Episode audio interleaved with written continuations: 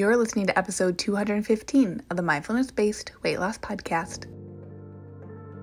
Welcome to the Mindfulness Based Weight Loss Podcast, the show for women like you who have tried restrictive diet after diet and are ready for simple, thoughtful solutions to help you sustainably lose weight for the last time from a place of abundance and peace. If you're looking to end the yo yo of comfort eating and rigid weight loss protocols and instead step into living your life mindfully on your terms while losing weight in the process, you're in the right place. Hey, party people, welcome, welcome to the show. I want to give you a quick little one, just a quickie, a cutie, as some of you know, a cutie of an episode about the power of words.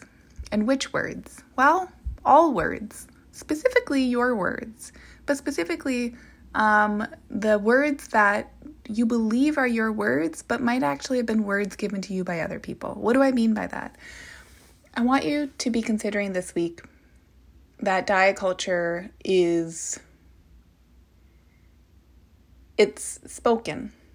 It's an energy that is given to us often at young ages from other people. And for those people, it was given to them probably also at young ages.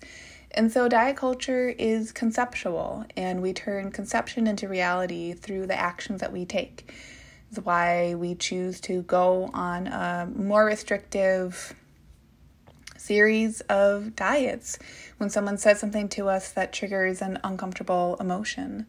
It's why we feel, quite frankly, a whole lot of emotions when we're trying to navigate stressful situations, and why we might turn to food for comfort just long enough until we say unkind things to ourselves about the whole reason why we're turning to food for comfort in the first place. The power of our words comes from, well, first off, just point blank, all words are powerful.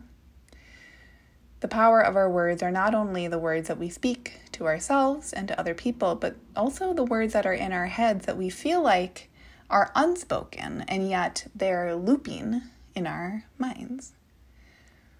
This is what I mean when I say that dieting is a stress response. The dieting actions don't just come out of nowhere. It can feel like they do. It can feel like all of a sudden you're restricting your foods, or all of a sudden there's a brand new diet that you're excited about. But very often, if we take a little bit of time and we peel back the layers, what we'll find is that there's an there's an a beginning incident, if you will. And that beginning incident has words. And so this week, all I want you to be thinking about are the words that are in your head, not about diets, okay? But the words in your head about yourself. Now, the point of acknowledging the words in your head about yourself isn't to make them gorgeous and amazing and so perfectly scrumptious that no one could ever have as much self worth as you do. The point of creating awareness around the thoughts in your head is to offer yourself a little bit of humanity. And isn't that what is missing in so many places in our lives so frequently? Whether it's coming down to politics, how many of us feel like human rights are like at risk, or that we have to advocate for something that feels like it should be so natural, so commonly known. That's a very big example, but how often do we dehumanize ourselves with the words that we choose? With the words that we choose to describe ourselves, right? When you look in the mirror and you say, Oh, I'm so fat. What does that mean? If you really decode it, just acknowledging the energy in which you're using your words. Not so that you have to replace it with something that is anything except allowing your words to be your words. This is some of the work that we do in Lean and Liberated is we get really keen and very curious about the language and the semantics in which you're viewing your life. And I, for one, I sure can't tell you what would be your best life well lived and what would be more authentic for you to be viewing your life through. Like I think about words almost as like different glasses or different prescriptions. Some prescriptions maybe are too strong and they distort how we see the world or ourselves. Some might be a little too fuzzy and not strong enough and we can't quite see things clearly and crisply. But I, for one, can't tell you. The only way that we find out is by starting to recognize is this an image that is distorted? And if I feel fine and great with that, more power to me. But if I'd like to maybe look at what is more true or more clear, my entryway into inquiring about that is through the prescription I have right now, meaning the words I use with myself right now. So, very often, I think, just in, in general, when we're talking about creating change, our brains will make the change out to be this big thing, this big to do. Got to do all the research first. I got to write down so many pages. I like there's so much to it. And I think our brains do that out of protection because they're they really are trying to do something new. And so initially it's in our brain's conception, it's in the brain's idea that to its best benefit to try to do something new really, really well. I think that is just a very simple way to describe when so many of us are trying to create change and we're like stuck in the conception level of it. We think about the change, we think about the change, we think about the change. I'll feel this way, I'll do this, I'll do that. Oh my God, it'll be so great. But we don't actually recognize that just thinking about the change is a step along the change process. And then we kind of wonder, man, I've been thinking about this so much. Why isn't the change happening? Well, wait a second. Thinking about the change, awareness of the change, and then transforming those thoughts into action, those are all just different little steps along a spectrum. And so when we're thinking about the power of our words, and specifically now the power of our words and how we describe ourselves in our lives, our conception of how we're navigating our worlds, what we make other people's comments out to mean about ourselves, our our boundaries, our language boundaries we have with ourselves. I think that's a huge one that many people don't realize. How do you decide what you will and won't say to yourself?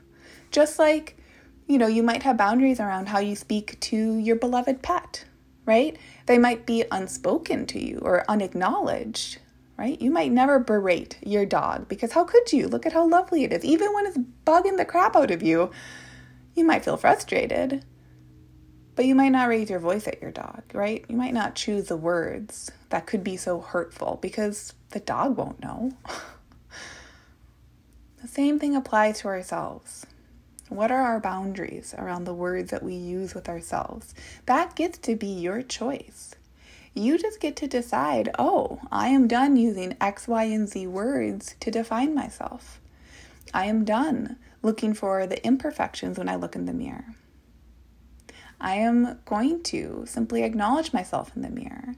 And when I feel comfortable with that, then hey, maybe I'll look for some of the perfections in the mirror. You see how it is a process? It's both an uncovering and an unraveling and a re knitting, a knitting together that is just simple.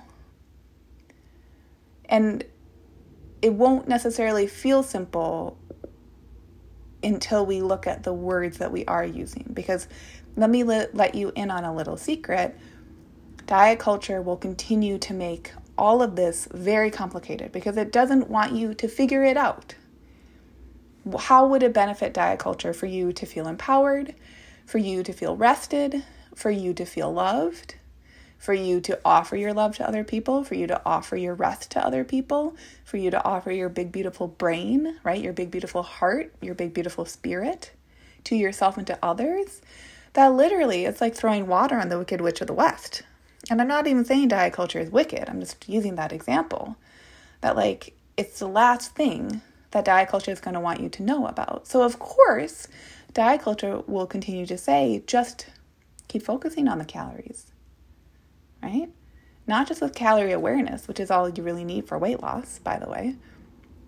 Not just with that simple awareness, but with getting very structured with it, with getting very rigid with it, with getting very specific with it, with diving into the quality of foods, diving into the quantity of foods. And now throw in the exercise, right? And now look at the strength training and how about the cardio and what about the HIIT and how about the rest days? Like all of that is there it's information from the outside in. And when we're looking at the power of our words, partially what I'm trying to get across in today's episode is that the power of your words uncouple you from the power of the outside in. And it acknowledges, yeah, you might have something to learn. Right? Like if you're if you're learning how to run, there's probably great running technique out there. Of course there are techniques and things to learn. Even what I'm sharing with you here, this is a technique. Is a technique to say, "Oh, I can uncouple myself from the power of the words, acknowledge them for what they are, and then decide from there what I'd like to do if anything." That's a technique. But the specifics of what that technique is a container for, no one gets to decide that for you. No one gets to tell you in what ways you eat that light you up. No one gets to tell you the type of exercise or physical movement that brings you joy. No one gets to tell you what that is today and what it'll be in 5 years. That because no one really can. And I think diet culture will also say that that's a bad sad thing oh, I'm unfigureoutable. No one can tell me. but that is the lie of the diet culture. Because what a beautiful gift that no one can tell you except yourself. What a beautiful gift that you are in this space living and breathing and you have these opportunities to choose foods that you enjoy, to be in movement in ways that lights you up. That gets to be the power of your words. Do you see the difference that I'm describing here? I really want you just to be honoring this process for yourself. And if it sounds a little loosey goosey, it is. Because it's a living, breathing process, just like you are a living, breathing person. It's a practice. And so, listen, if you'd like help with this practice, I really invite you to reach out to me to have a conversation about joining Lean and Liberated. This is a program where we do this work, and weight loss is a really fun side effect. And we're not chasing numbers because we don't have to. When you start to see how weight loss can be eh, occurring in this way with creating awareness, creating mindfulness, it's always going to be beneficial because it's always guided for you by you. And if you'd like a supporter in your corner to help you understand the different monuments as you're on this path to help you see like yeah maybe i get to play around with my prescription here like my like you know my lenses. Maybe they've been a little too intense and i'm ready to bring them back down to see my world a bit more clearly. I would love to help you. And the way that you can do that you can always use the, the links in the show notes. You can always go to luciahawley.com or find me on instagram. Shoot me an email. It's just a very simple conversation. I don't have a whole, there is technically an application form on my website, but it, it literally just sends me an email.